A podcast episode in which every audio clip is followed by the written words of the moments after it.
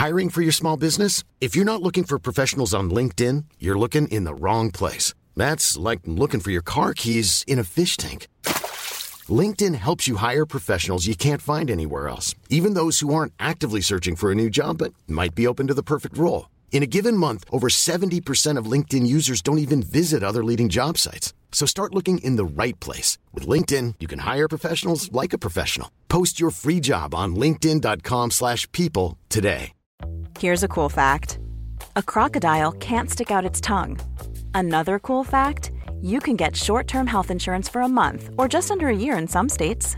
United Healthcare short-term insurance plans are designed for people who are between jobs, coming off their parents' plan, or turning a side hustle into a full-time gig. Underwritten by Golden Rule Insurance Company, they offer flexible, budget-friendly coverage with access to a nationwide network of doctors and hospitals. Get more cool facts about United Healthcare short-term plans at uh1.com. Quality sleep is essential. That's why the Sleep Number Smart Bed is designed for your ever evolving sleep needs. Need a bed that's firmer or softer on either side? Helps you sleep at a comfortable temperature? Sleep Number Smart Beds let you individualize your comfort so you sleep better together. JD Power ranks Sleep Number number 1 in customer satisfaction with mattresses purchased in-store. And now, save 50% on the Sleep Number limited edition Smart Bed for a limited time. For JD Power 2023 award information, visit jdpower.com/awards. Only at a Sleep Number store or sleepnumber.com.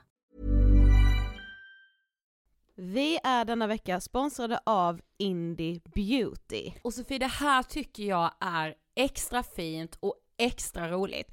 Ja men Indie Beauty är ju ett skönhetsvarumärke som jag tror att väldigt många känner till, men det jag älskar mest det är att Indie Beauty liksom vill vara mer än bara produkter, vilket de ju också är. Exakt. Indie Beauty står ju för Independent Beauty, skönhet på dina villkor och för din egen skull.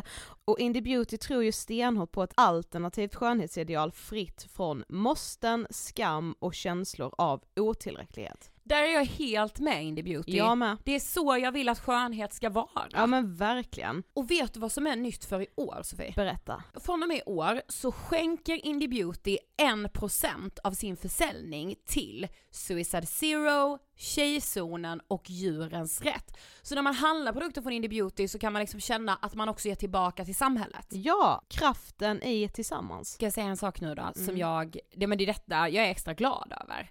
Nu har Indie Beauty tagit fram en keps och den tycker jag ändå så på sommaren, skydda sig från solen, Jättebra, jag älskar kepsen. men det bästa, de bidrar till Suicide Zeros viktiga arbete för att minska antalet självmord och självmordsförsök. Så för varje såld keps så går hela vinsten, 100 kronor, direkt till Suicide Zero. Då kan man liksom göra nytta både för samhället och sin hud på en och samma gång. Ja, och kepsen kostar 169, men alltså hela vinsten går då som sagt till Suicide Zero. Så om man vill göra skillnad när man är där ute i solen, nu när den börjar titta fram, då ska man välja den här kepsen. Den säljs exklusivt på indiebeauty.se och på Apotea. Tillsammans kan vi skapa en ljusare framtid. Vi ses med kepsarna på! Tack Indie Beauty.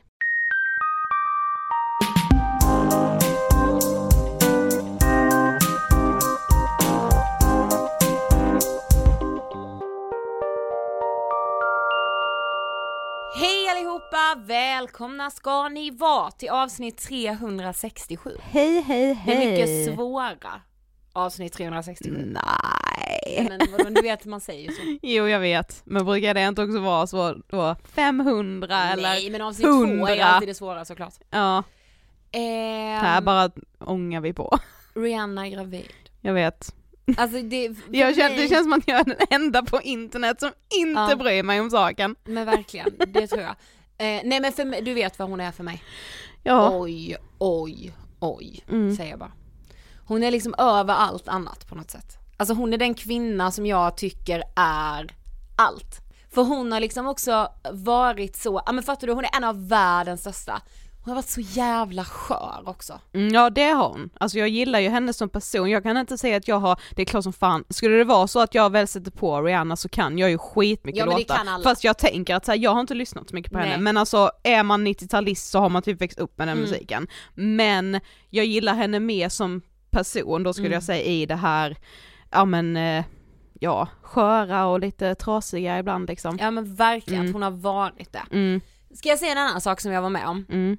Eh, nu bara tar jag över.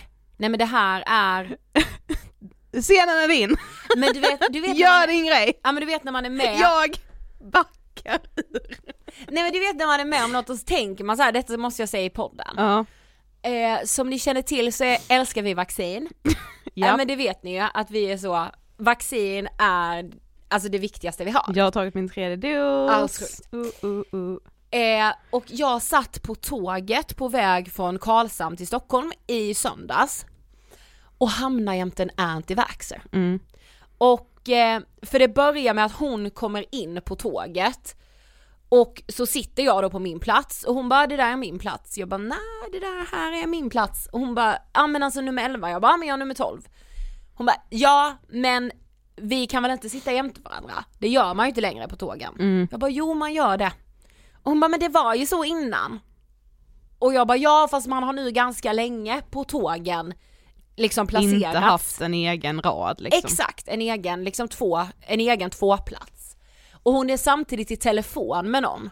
Så hon bara såhär, okej. Och hon bara, alltså det här är inte personligt mot just att jag inte vill sitta jämte dig, men, och jag bara såhär, nej okej.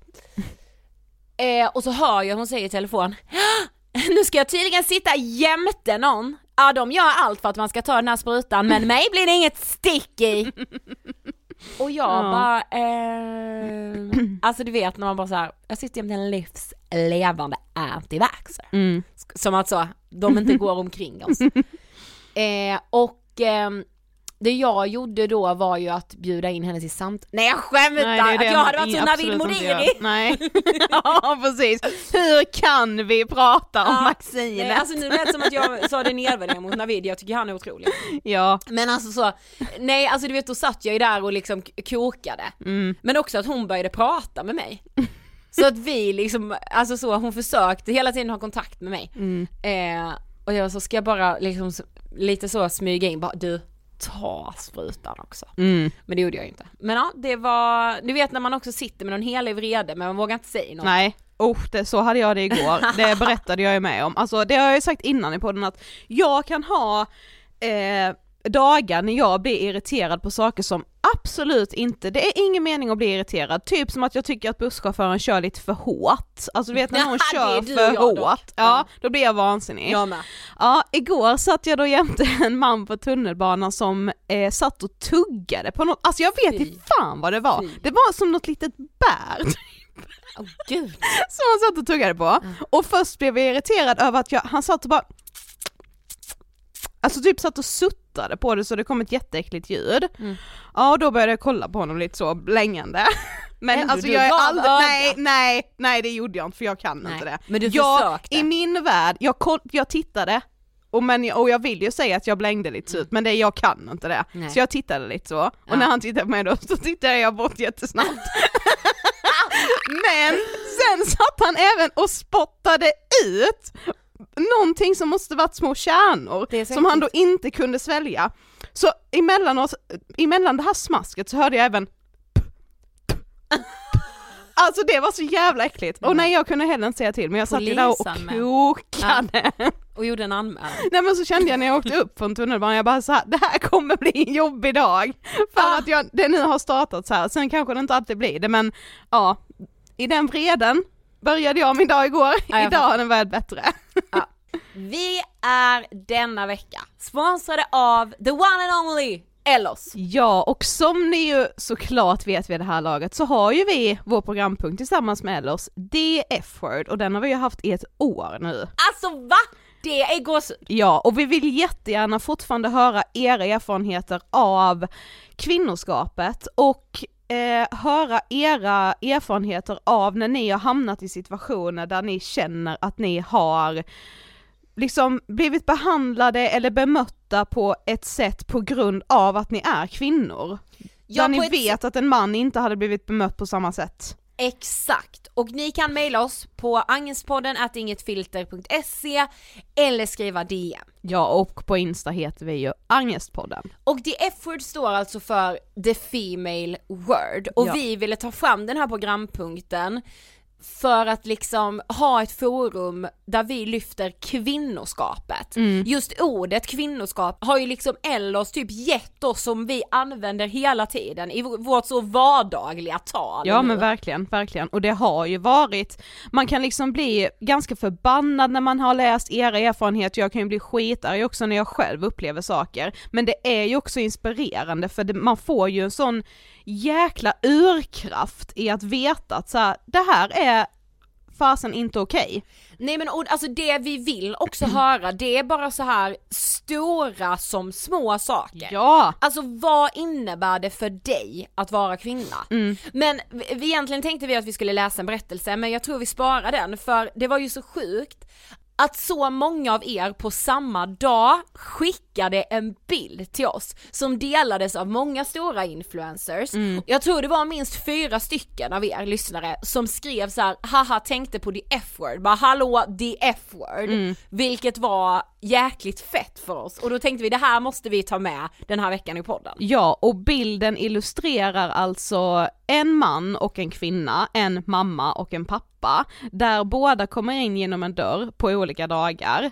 Båda har köpt fast food, alltså typ, ja men, någon snabbmat som man har hämtat och ovanför pappan så står det då fun dad och ovanför mamman står det lazy mom.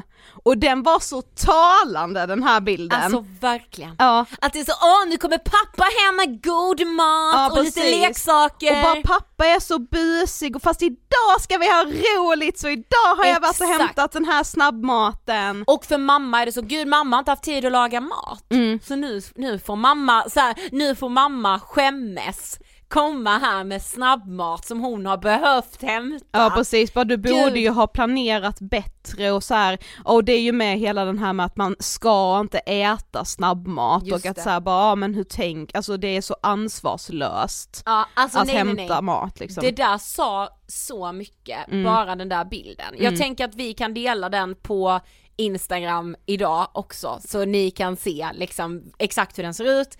Men jag tror många av er har sett den, jag vet att Penny Parnevik delade den, Michaela Forni delade den, Mm. eh, och det var kul att så många, eller kul, men liksom att så många av er skickade den och tänkte på det F-word. Mm, ja men jag tror bara att man kan relatera med allt man har. Även om man inte är mamma så ser jag ju den, liksom vad mammor faktiskt får utstå många gånger. Ja, vilket exakt. är helt sjukt.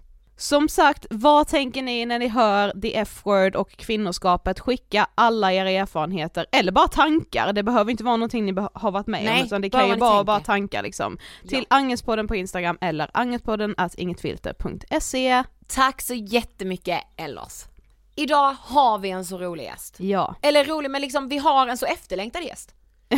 Senaste tiden har vi fått jättemycket önskningar om att ta upp kvinnor och ADHD. Mm, och att få diagnos ganska sent i livet. Och som ett litet S i rockärmen hade vi ju redan spelat in det här när vi började få de här önskningarna. För det här är inspelat i höstas och gästen är Jenny Jägerfeld. Ja, och alltså som vi ju säger också i intervjun, vi har ju vetat vem Jenny är sen vi delade omslag på, vet. i tidningen Modern Psykologi för alltså flera, flera år sedan. Vi hade ju, var det 2015 typ eller 2016? 16. Ja, eh, då hade hon en podd som hette Superältarna, eh, finns säkert att lyssna på fortfarande om man vill göra det.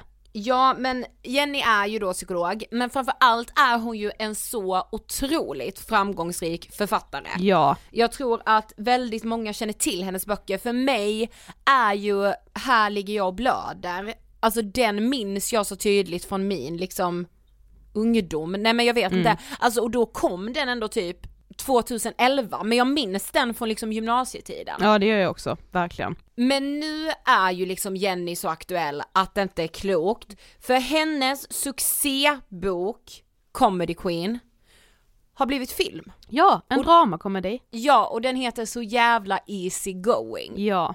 Ja, Det är ju så- också så, alltid lika intressant att prata om ångest och psykisk ohälsa och det komplexa i diagnoser och sånt med någon som också, ja men det är ju så coolt att Jenny både själv har erfarenhet av att få en diagnos sent i livet och att vara kvinna men också att vara psykolog. Så hon har liksom båda sidorna.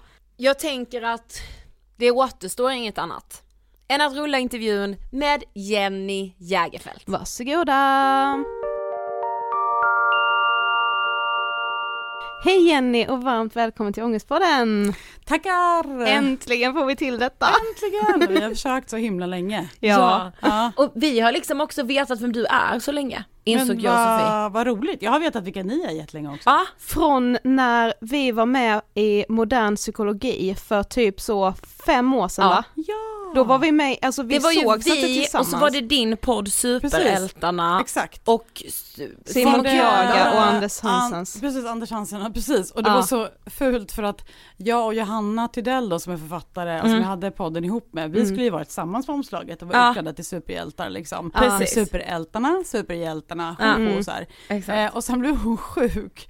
Och jag bara, nej men jag orkar inte att du är sjuk. Alltså jag, jag pallar inte med att du är det. Då ska jag stå själv i superhjältekostym bredvid så här Simon Kjaga och Anders Hansen som var jätteseriösa hela tiden. Och jag kände mig så superflamsig.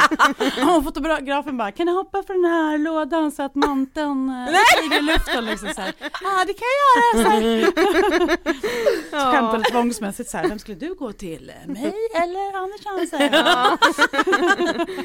Men vi har vetat det sedan dess i alla fall. Och det är ändå länge. Mm, det är länge. Mm. Ja. Eh, men du ska också berätta, vem är du? Eh, jag är psykolog och författare och skribent eh, och sexolog. ehm, som har jobbat, eller jag blev färdig psykolog 2003, så Mm. jobbat på olika sätt. Um, ja men inom vuxenpsykiatrin, det var jag i och för sig mer mentalskötare, sen barn och ungdomspsykiatrin, jobbat som skolpsykolog, jobbat med ADHD, med arbetsminnesträning som Mhm. man, när man har ADHD eller ADD har man ofta sänkt arbetsminne, jobbar med det ett tag. Och sen hade jag egen mottagning i jättemånga år. Men nu har jag faktiskt pausat det för att jag skriver mer. Jag skriver böcker och artiklar och krönikor och ja, svarar på frågor i Svenska Dagbladet varje vecka. Det. Mm. Vad tänker du på när du hör ordet ångest?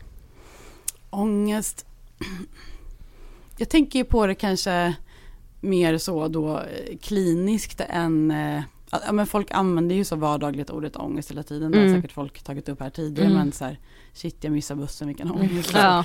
Och, och jag är ganska försiktig om jag skriver ångest så att det inte bara är den här vardagsoron eller o, alltså så att jag, att det finns vissa ord som jag tänker på när jag skriver som psykolog att jag skulle inte skriva om någon så här nu är du deprimerad om jag inte vet att den till exempel hade en klinisk depression. För jag kan inte uttala mig om det. Likadant med ångest att då kanske jag säger så här om du är orolig för det eller om det finns ångest att jag liksom eh, garderar lite Ja. så att jag Mm. inte lägger något på någon som inte finns. Freud sa att det var en skillnad mellan oro och ångest just att så här att nu kommer jag inte lita på allt Freud har sagt, men att oron är riktad mot en grej. Jag är orolig för att det inte ska gå bra på Ja, tentan. exakt. jag är orolig för det här, men att ångest är fritt flytande. Att Mm. det inte har något objekt, att det inte Visst, har någon ja. så här, jag vet inte om, om det eh, håller riktigt, men, men eh, ja. Men Ja. lite talande tycker Ja, jag. exakt.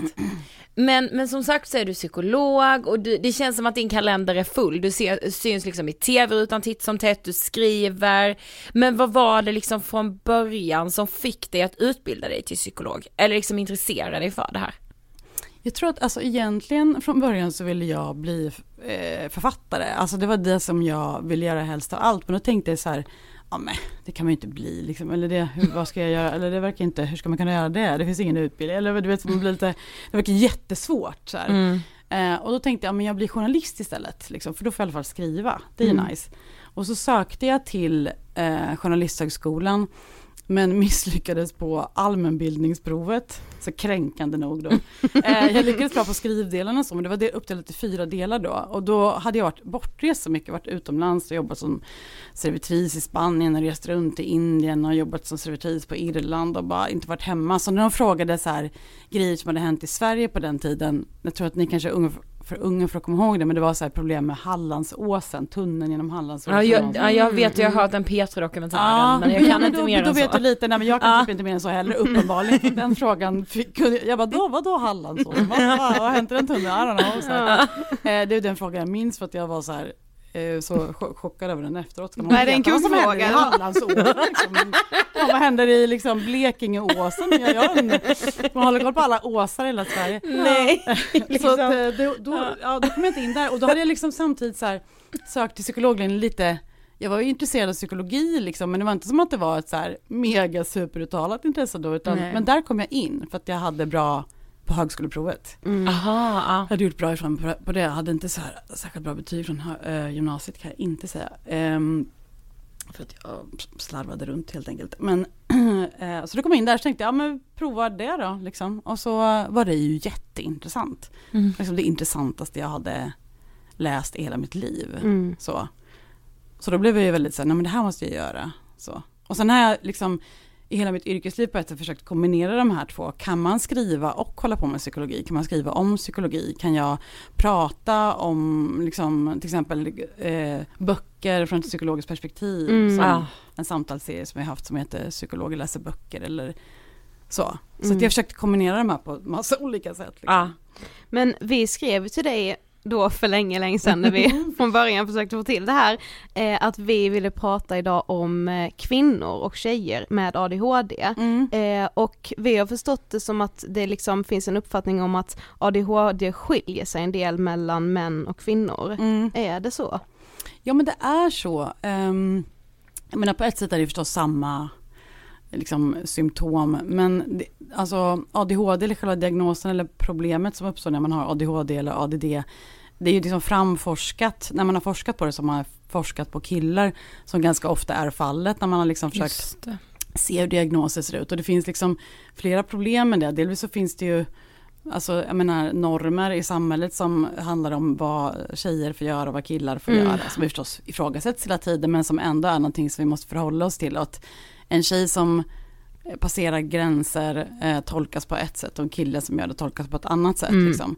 Men sen är det också så att killar har en relativt jämn liksom, hormoniell kurva eller utveckling genom hela livet och det har inte tjejer. Nej. Utan vi, alltså det händer vid några olika tillfällen i livet, till exempel när vi kommer in i puberteten, när vi kanske, när vi får mens, eller ja, då kommer in i puberteten, och sen ja, när man föder barn eller man kommer in i klimakteriet så ändrar sig saker. Och, och även inom samma månad, så det, man kan, det kan skilja sig jättemycket åt första två veckorna i månaden när man precis har fått mens eller där omkring mot de två sista veckorna i månaden. Mm. Så det gör att ens symptom liksom ser, ser annorlunda ut. Eh, och eh, ja, så att, så att eh, normerna kring vad ADHD innebär är liksom framtagna som på pojkar och killar och eftersom mm. vi uppfostrar ändå pojkar och flickor ofta lite olika mm. eller det är där man får från samhället så kommer det yttra sig olika. Blir man bestraffad jättehårt när man ballar ur som tjej då kanske man säger oj nej men det kan jag inte göra så man håller i sig ja. man kan få ja. inte göra det. Medan en kille att det är kanske lite mer okej att han springer omkring och är om sig och kring sig. Ja, liksom. precis. Mm. Ja, för det, men det är intressant för vi, vi har fått så mycket önskemål just om att ta upp det här. Mm. Men skulle du säga, är det svårare som tjej att få en ADHD-diagnos, alltså fastställd? Ja, men det, det är ju väldigt många tjejer som får ADHD-diagnoser ganska, eller mycket senare i ja. livet. Både att man kanske har sett problem redan liksom tidigt fast det, eller barnet i sig har märkt, eller föräldrarna har märkt kanske, men att man inte får det först tonåring. Och jag vet ju också jättemånga som har fått det först i vuxen ålder, en diagnos som jag själv fick inte förrän i vuxen ålder. Liksom. Mm. Och kanske också för att mm, det är fler liksom tjejer som landar med en ADD-diagnos som är liksom mm. diagnosen utan hyperaktiviteten. Men det är också lite missvisande för ibland kan hyperaktiviteten vara jättemycket i liksom, tankarna. Den kanske inte syns liksom, rastlöshetsmässigt men det kanske är så här, tut, tut, tut, man hoppar liksom mellan 70 000 olika tankar. Det är också en mm. slags hyperaktivitet fast Exakt. den liksom händer i hjärnan. Eh, så att det kanske inte syns lika mycket om man är en om man är en liksom, lite tyst drömmig tjej som sitter längst bak, liksom, tittar ut genom fönstret.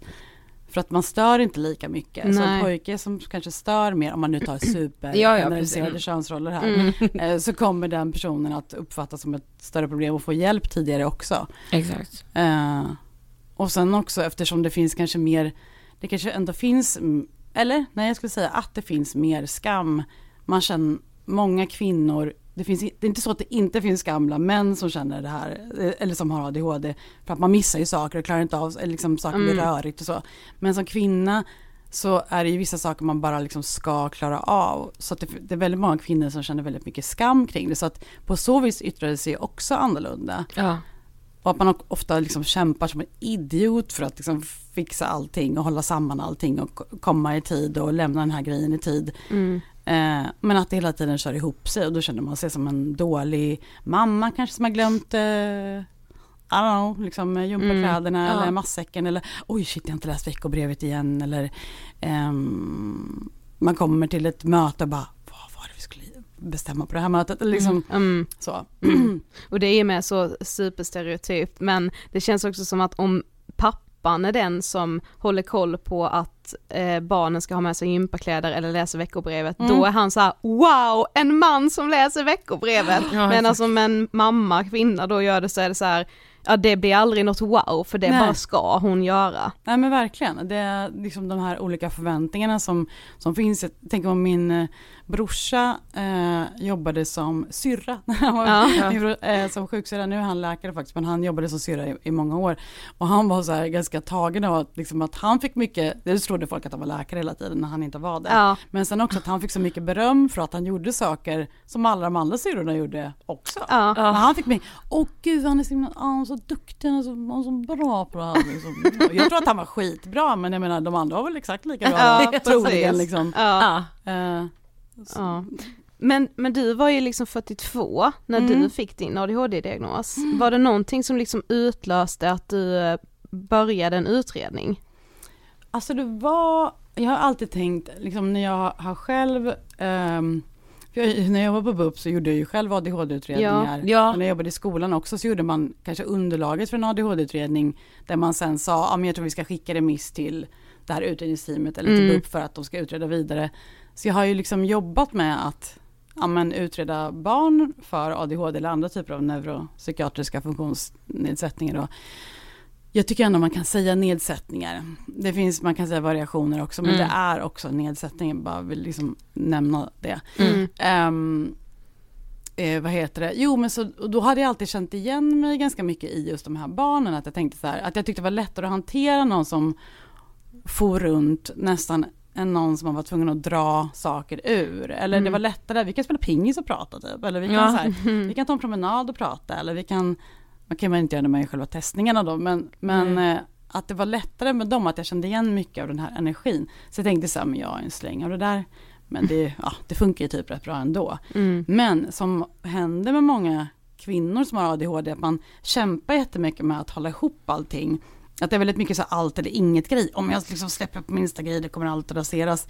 Och det blev väl att det så här, ja men det började kanske gå bättre i min karriär, eller vad man ska säga. Så det blev fler och fler grejer som jag bara, ah, det är kul, ja men det tackar jag till det, jag tackar jag till det, jag tackar jag till det, jag tackar jag till det. Så, så plötsligt bara var det helt eh, galet liksom. Mm. Jag kom hem från USA, hade varit där på någon resa där jag också hade skrivit och skulle hålla någon skrivarkurs på Marstrand. Blev typ blind eh, för att jag, jag fick synbortfall så allt blev vitt.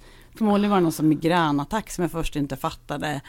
Och, och, så att, och sen blev jag dålig i min reumatiska sjukdom så att allt hände på en gång. Att jag Ah. bara, "Ja, men det kanske är ett problem då, tänkte jag då för första gången. Det kanske inte bara är så här, ja men jag är så här, jag tycker Ja. det är kul att göra många saker. Mm. Utan att då, då blev det som att kroppen sa ifrån när jag inte hade fattat det tidigare. Mm. Så här klyschigt uttryck. Kroppen sa ifrån. Så jag tror Ja, nej, det, men alltså- Men det var ju faktiskt så. Ja, de är klyschor av en anledning. Ja, jag blev blind och inte kunde gå och kände sen så här, mm, Usch. nu kroppen försöker berätta någonting Ja. ganska här. Men hur gick liksom utredningen till, eller hur går det till? Är det eh, samma, för, hur gammal är du idag? För, Eh, 47. ja. Eh, alltså jag skulle säga, utan att liksom lämna ut det stället, jag tycker att det var en ganska B-utredning Ja. faktiskt. Alltså det var så här, eh, men de, alla andra som jag pratat med har haft mycket mer noggrann utredning. Men jag hade ju tänkt ganska mycket på det här själv, så jag känner inte att det är någon, jag jag känner inte att det var någon så här, ehm, vad ska man säga, osäkert i sjukvårdssystemet. Så jag känner att det var rätt att jag fick en ADHD-diagnos. Men min utredning gjordes ganska fort och kanske inte ehm, ja, supernoggrant. Men jag, men, jag, men jag tänkte ju så här att nej, men jag, jag har ju det här problemet. Ja. Gud, tänk om de lyssnar och blir ledsna. Eh, Nej men, men, eh, och, men att de flesta andra har med att de, man gör en väldigt noggrann, liksom, man tar upp en anamnes, alltså så sjukdomshistoria. eh, Ja det tar pratar. ganska lång tid har jag förstått det Ja, det Mm. tar ju lång tid att när man får vänta på att få komma också. Mm. Ja, Och de hade det. glömt skicka remiss när jag kom dit först, det tog ännu längre tid. Men, Mm. ja.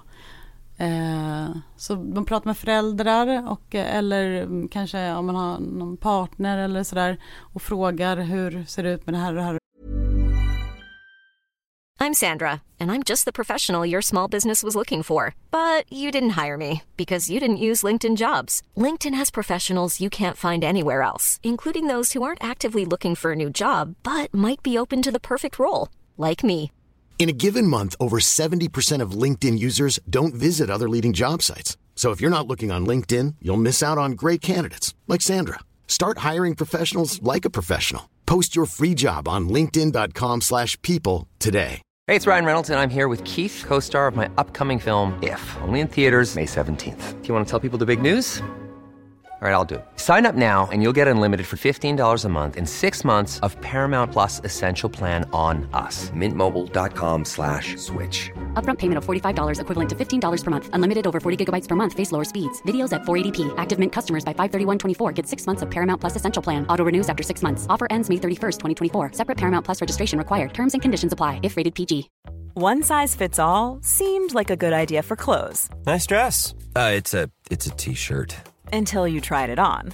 Same goes for your healthcare. That's why United Healthcare offers a variety of flexible, budget friendly coverage for medical, vision, dental, and more. So, whether you're between jobs, coming off a parent's plan, or even missed open enrollment, you can find the plan that fits you best. Find out more about United Healthcare coverage at uh1.com. That's uh1.com.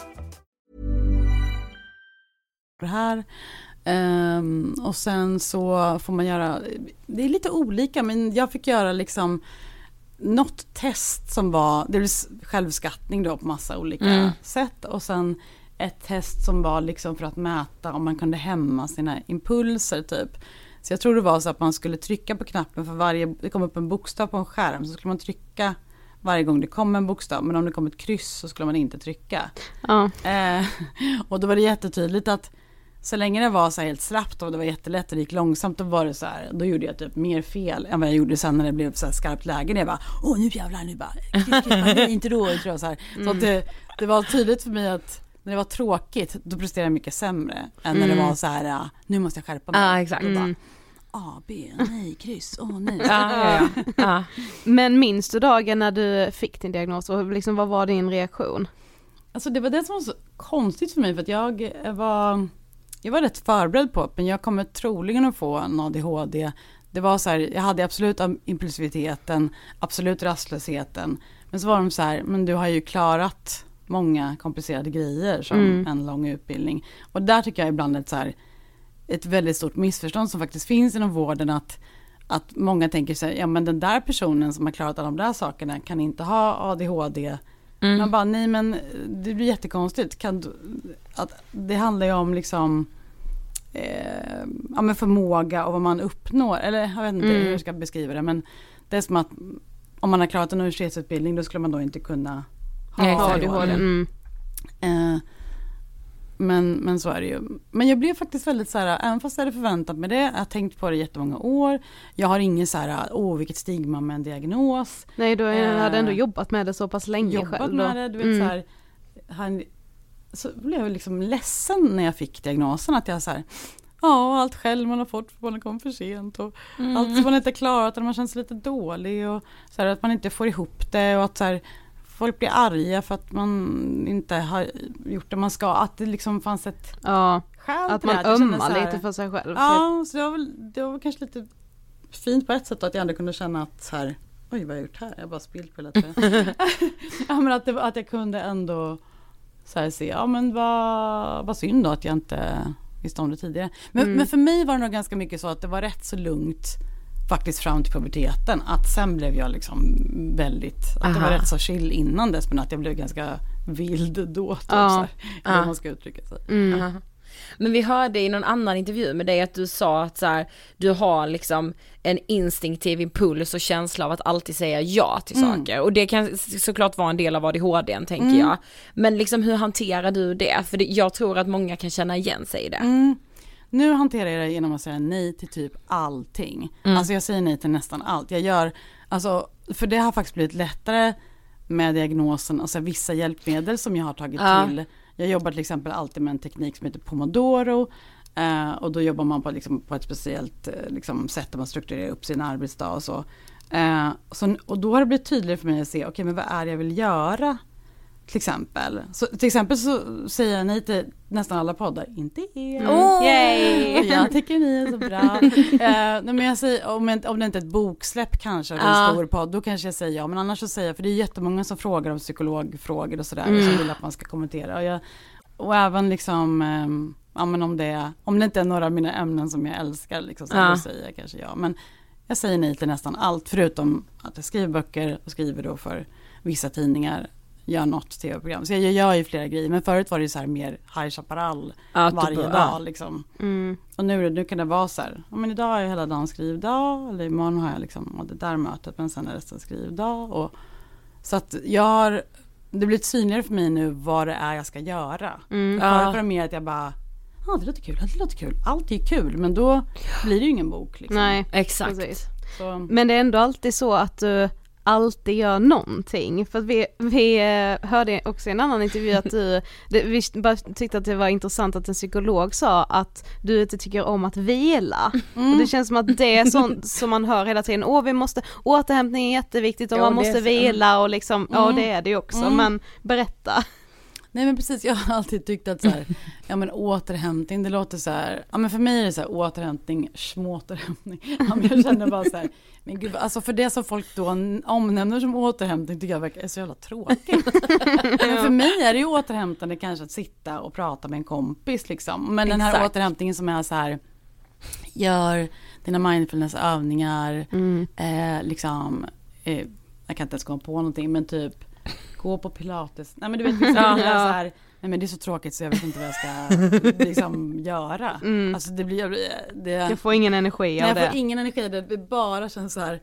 Men för mig är väl då återhämtning någonting annat antar jag liksom. Exakt. Eh, det är klart att återhämtning är viktigt. Jag menar jag, jag tror att jag nu lever också så här, nu när jag säger nej till mycket mer så är det nästan, det blir ju som en, jag sitter ju ofta själv och jobbar eller med någon annan och jobbar. Mm.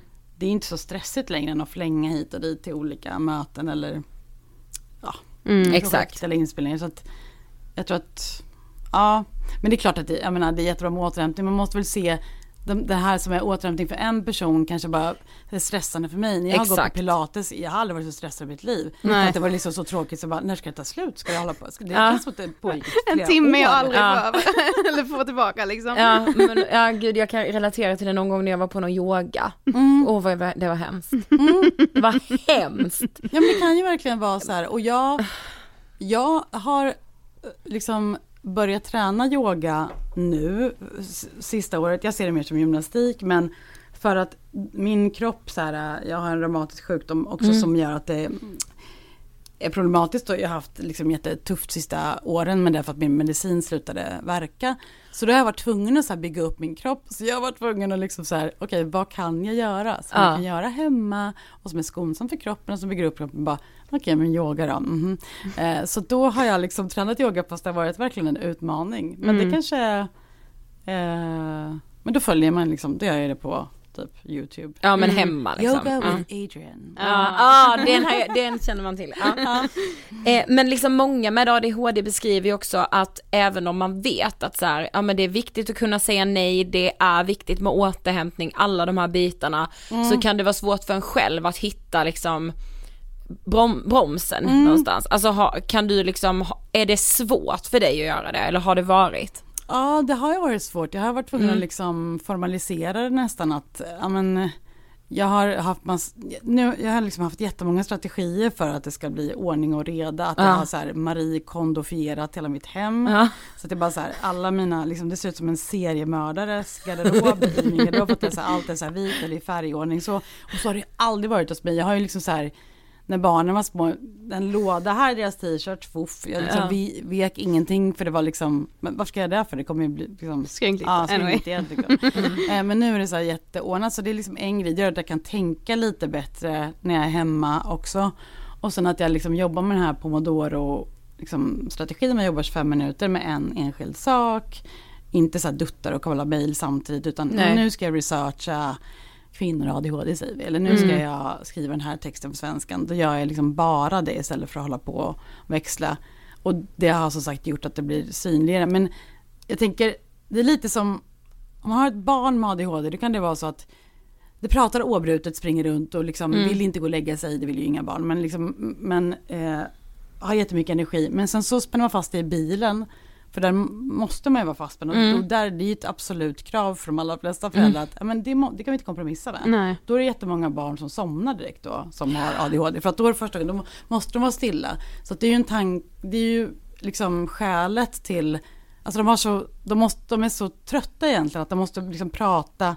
Exakt. Att, så man måste hålla vakenhetsgraden igång. Eller liksom, genom att springa runt eller babbla. Och likadant tänker jag för vuxen personer. För att hålla intresset och vakenhetsgraden igång. Om man då är omedicinerad och så. Eller inte har några andra strategier. Så behöver man kanske den där kicken av att säga ja. Så det blir som en kick. Ja, Mm. ja, ja, Ja, ja. ah, det är klart du kan göra det. Ja, ah, det verkar spännande. Ja, det är Ja. det. Mm. Eh, Men nu har jag liksom mer strategier för att jag liksom skriver upp. Ett tag gjorde jag så att jag skrev upp allt jag sa nej till. Som blev liksom en lång lista varje månad. För att jag sen ser istället, ja fast jag har gjort det här istället. Jag sa nej till allt det här, men jag har gjort det här. ja. Så då kan jag se att vad värt det var att jag skrev Ja. Fem kapitel istället. Eller liksom. Mm. Ja. Men hur ser du på det här med att ADHD är en av de diagnoser som ökar väldigt mycket? Det är ju många fler som får den diagnosen idag än vad det var för typ 20 år sedan. Mm. Vad tänker du kring det? Är, är, har vi liksom blivit besatta av diagnoser? Jag tycker det är väldigt så här komplicerat eller komplext liksom för att jag tror verkligen att det finns en, det är problem både med underdiagnostisering tänker jag och överdiagnostisering. Att underdiagnostisering, säg ett barn, eftersom världen ser ut som den gör, skolan Mm. ser ut som den gör, det här är bara ol- olika personlighetstyper som vi har bestämt att de här symptomen, eller de här dragen sammantaget, det, bild, det har vi bestämt att det kallar vi det här. Ja, liksom. exakt. Så det är inte som att det, mm, ja. Ehm, och, och då så liksom eh, i skolan, gud vad höll jag på att säga? Också så ADHD-grejer, man missar Eh, jo men överdiagnostisering eller underdiagnostisering, Ja, just mm. det. Säg ett barn som hela tiden får skäll för att det inte klarar av det ska klara av. Som jag tänker att det var ännu mer förr i tiden. Att Mm. du måste ju sitta stilla, jag vet ju att du kan, ibland Mm. går det ju liksom. Eh, och så får man höra det varje dag i liksom 20 år. Det är klart att det påverkar en, liksom, att man Mm. känner sig dålig och jag kanske egentligen bara är en slapp människa som inte får till det. Sådär. Men överdiagnostisering är ju också knasigt att man, om kraven ser ut på ett sätt som gör att 20% inte klarar av de kraven på att sitta still och att göra uppgifter på ett särskilt sätt. Säg liksom, ja men när de går i lågstadiet och så får de uppgift att nu ska du forska på kaniner som jag vet att ett barn hade. För honom var det så här, hur ska det gå till? Jag förstår inte hur jag ska börja forska om kaniner, vad gör man? Istället för att då, kanske då kanske passar ibland bättre med klassisk undervisning, nu läser vi lite om kaniner först, Mm. svarar på några frågor om kaniner, sen kanske man skriver lite egen text om kaniner, man ritar en kanin, alltså att det blir så här uppstyrt i steg. Ehm, så då faller ju många ifrån om det blir för svåra uppgifter och då Ja, kanske precis. man då, eller också kan det ju vara så att, tänk en stor grupp på förskolan, alltså det har ju minskats resurser på vissa basnivåer som att det är fler barn i varje förskoleklass. Då ökar eh, kortisolhalten i blodet på barnen vet man, de blir mer stressade. Och då på gruppnivå kan det också vara så att någon faller över för att den springer runt mer för den blir mer stressad av Ja. att det är så hög ljudvolym Mm. och att ingen kanske finns där för den just då. Och likadant så finns det också så här ibland en feldiagnostisering där det egentligen handlar om trauma, dolda trauman liksom. Typ 1 eller typ 2 trauman. Typ, liksom det ena är ju att man kanske har en förälder som dricker som man är konstant lite stressad över. Mm. Eller eh, fattig familj eller, eller att man varit med om någon enskild händelse som har varit. Och det ju, kan ju ibland vara svårt att lämna anamnes om sådana uppgifter. Om, säg att man är en förälder som vet med sig att man dricker, eller det är klart att man kanske Mm. inte berättar det. Eller, Nej, exakt. eller att det har funnits grejer som en skam, så, så blir det liksom att barnet får en diagnos fast egentligen kanske man Ja och Och då blir det så en liten täckmantel att barnet får en ADHD-diagnos när det Mm. egentligen kanske handlar om något annat. Man kanske borde ändra andra saker Ja. i... Och det är klart att man eh, inte kan koncentrera sig på matten eller skolan om man hela tiden så här, har lite förhöjd stressnivå Mm. för Nej, hur ska det vara när jag kommer hem. Och, Precis. Mm. Gud, ja det är ju väldigt intressant för samtidigt som du var inne på med, med att, också, att man också pratar om en liksom underdiagnostisering. ja. Eftersom många, alltså det, det har känts som så senaste året, dels har man hört så, åh det är så många som får ADHD-diagnoser eller neuropsykiatriska diagnoser, men samtidigt har man så, alla får sin ADHD-diagnos så sent och man bara, Ja. va? Alltså, det, ja men jag tycker det är jättekomplext liksom. ja, det är faktiskt och det. i, hur, när världen ser ut som den gör, att vi måste liksom, koncentrera oss längre stunder, man måste jobba i sjuk där man sitter still, det blir färre och färre jobb kanske där man kan, där man rör på sig rent så här mm, motoriskt liksom. Ja och jag tänker eller- också så här framför allt på att vi alltid har någonting som pockar på vår uppmärksamhet Mm. hela tiden. Mm, verkligen. Ja. Och att det finns om en högre krav på att även om man ska göra, ha ett jobb som är ganska praktiskt så måste man kanske ändå ha en, en, ja, men en gymnasieutbildning och Mm. kanske högskoleutbildning fast man sen, jag vet inte, det är som att alla måste läsa teoretiskt för att sen kunna få ett jobb och Mm. det, det passar inte heller alla att göra det. Exakt. Precis. Men, men har din, alltså för ibland pratar man ju om så, speciellt media älskar ju att måla upp ADHD som så superkraft. Eh, men, Åh gud, jag tycker det är jätteprovocerande. ja, men har din ADHD ändå kunnat vara en tillgång i ditt jobb som psykolog? Alltså jag, jag tänker den förståelsen du kan ha för en patient med ADHD eh, måste Ja ju det tror jag att det Mm. ändå så hjälpt till att man kan förstå varför det inte funkar eller varför Ja. vissa råd inte funkar. Det kanske inte är så här, men om man får, om någon håller på att bli liksom utbränd för att den anstränger ihjäl sig och just tackar ja till allting, då kanske det inte hjälper att säga så här, men tackar jag lite mindre då, ja men Mm. hur ska, jag, hur ska det gå till? Liksom? Exakt. Mm. Eh, eller att, så jag tror att den, och sen, jag menar, det som jag, med den här vinkeln ADHD är en superkraft, jag, jag kan förstå grejen för att om man som en person med ADHD gör det man faktiskt brinner för eller det som Mm. man tycker är intressant, då har man ju ofta en väldig så kapacitet. Mm. Exakt. För att det, det är så mycket liksom energi som går Ja. in i det, det blir den här superpeppen. Om man däremot liksom tvingas in och göra någonting som man inte brinner lika mycket för, då kan det vara otroligt tungrott liksom. Mm. Att jag vet ju folk som inte kan betala sina räkningar som Mm. är liksom jätteuppsatta chefer men som varje, jag får en kassa varje månad och Exakt. Ehm, eller liksom kronofogdsbrev eller sådär. Så, så jag förstår vad jag menar att det, skulle, det, man, det finns ju en ork i det där som tills det inte då, tills det inte Ja, längre. precis. Ja. precis. Okej, vi ska liksom lämna lite ADHD-spåret. Mm. Avslutningsvis så kände vi bara så Ja, när vi här- hörde om det här, bara nej men Jenny måste få berätta om det här i Ångestpodden också. Eh, om din gåshudshistoria om Augustpriset och din bok Här ligger jag och blöder. Ja gud. det Men kan var, vi inte också, bara- när kom Här ligger jag och blöder? eh, Vilket Det år? kom 2010. Ja, Ja. då gick vi ettan på Ja. gymnasiet. Ja.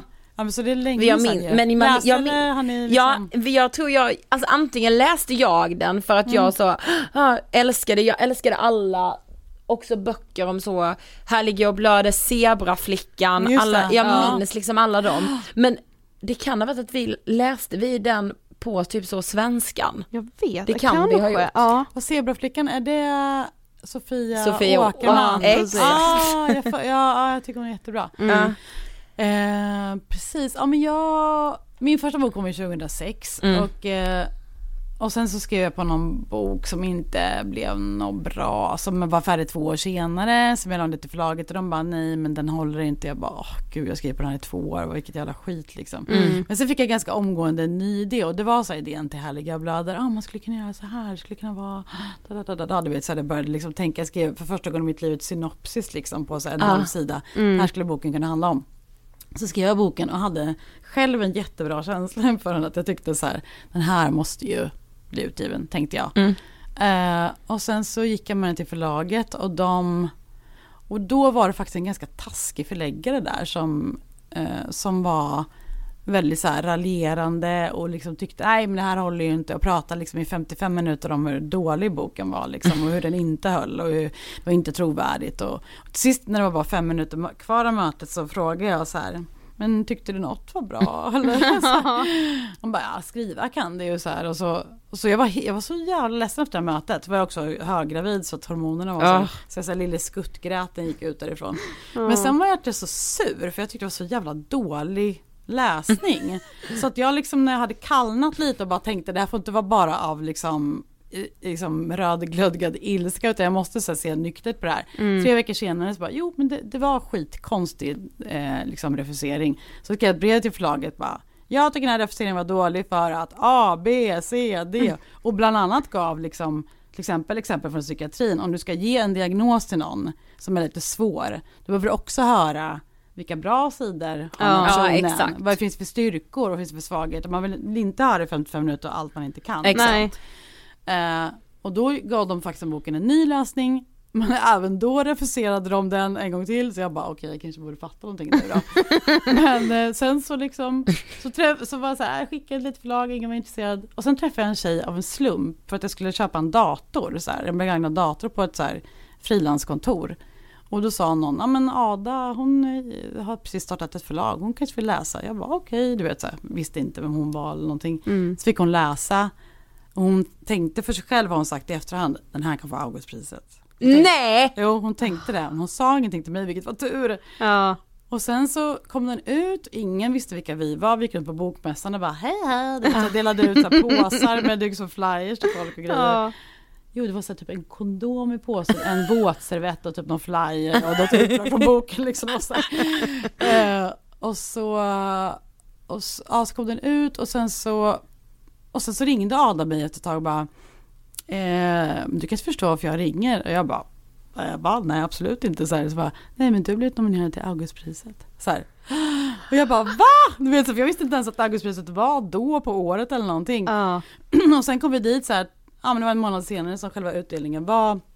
Och då satt i mitt gamla förlag så här, som hade refuserat boken typ längst fram. Och de är ju skitstora, de var skitstora. Och det här lilla förlaget var jag, Ada och en tjej som hette Anna och så typ någon praktikant. Ja, så det när de ropade så. upp mitt namn liksom, jag var så här beredd bara, för att det, oavsett om de säger Jenny eller Jägerfeld, det kommer det börja med J, tänkte jag. Ja. Ja. Så jag lyssnade så jättenoga efter det liksom.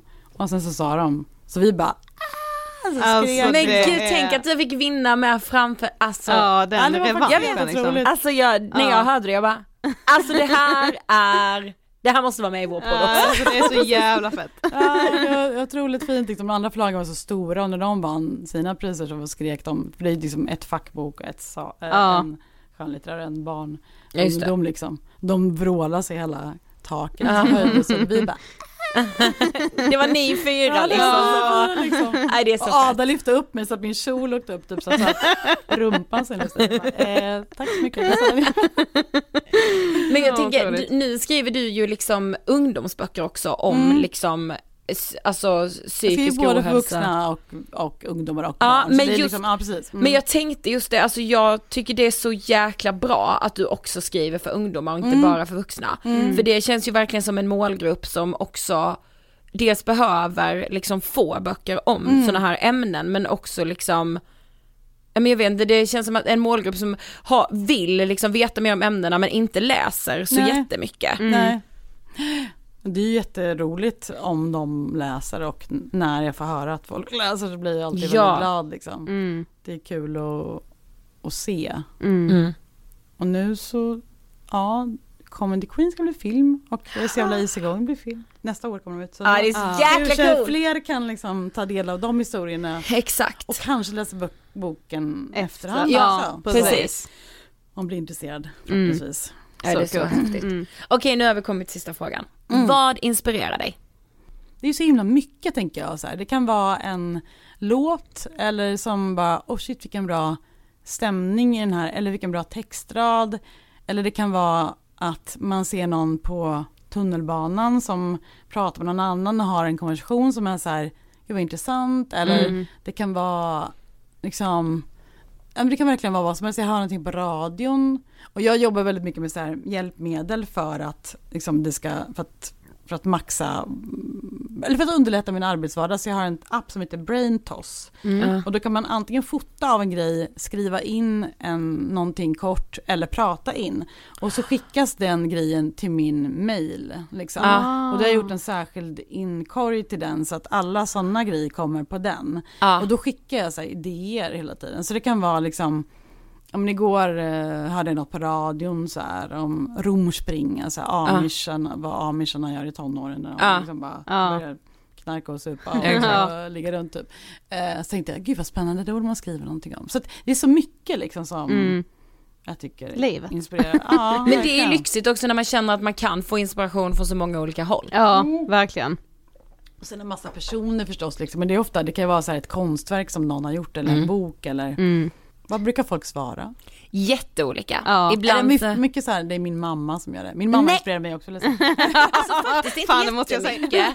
Alltså inte jättemycket. Många, många svarar musik. Eh, många som är så, gud när jag bara går på stan och ser människor som liksom är mitt inne i någonting Mm, eller ja. en, Jag tänker också att det varierar beroende på vad man håller på med just nu. Exakt. Alltså om man är inne i en period där man kanske, ja men håller på att förändra sin stil, ja då kanske det är så olika stilkonton på Instagram som Ja, inspirerar en. många forskare säger att, de, alltså, att deras liksom, forskning typ Mm. Ja, inspirerar. eller att se resultaten. Ja. Just det. Mm. Ja.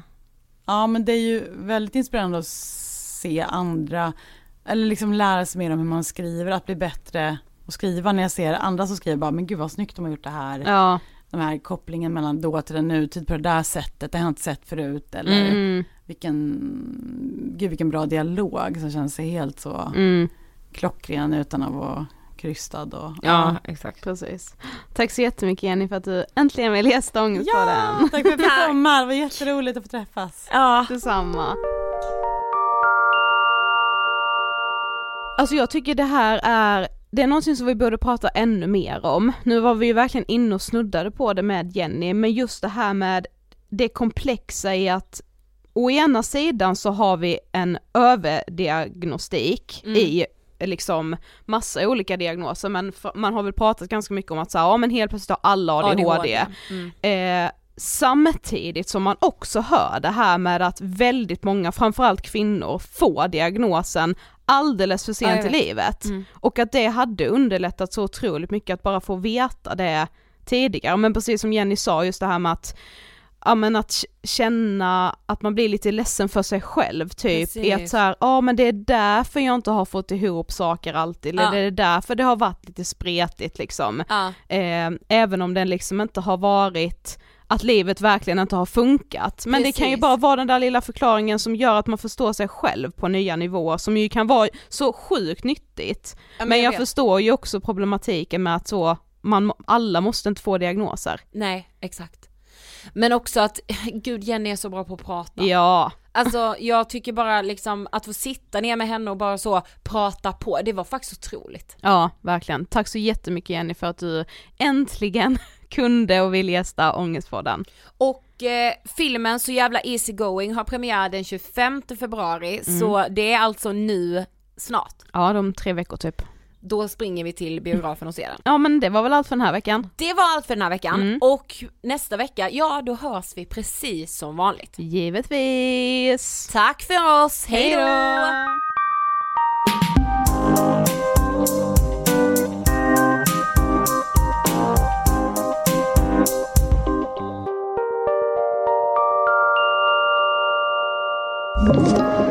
Podplay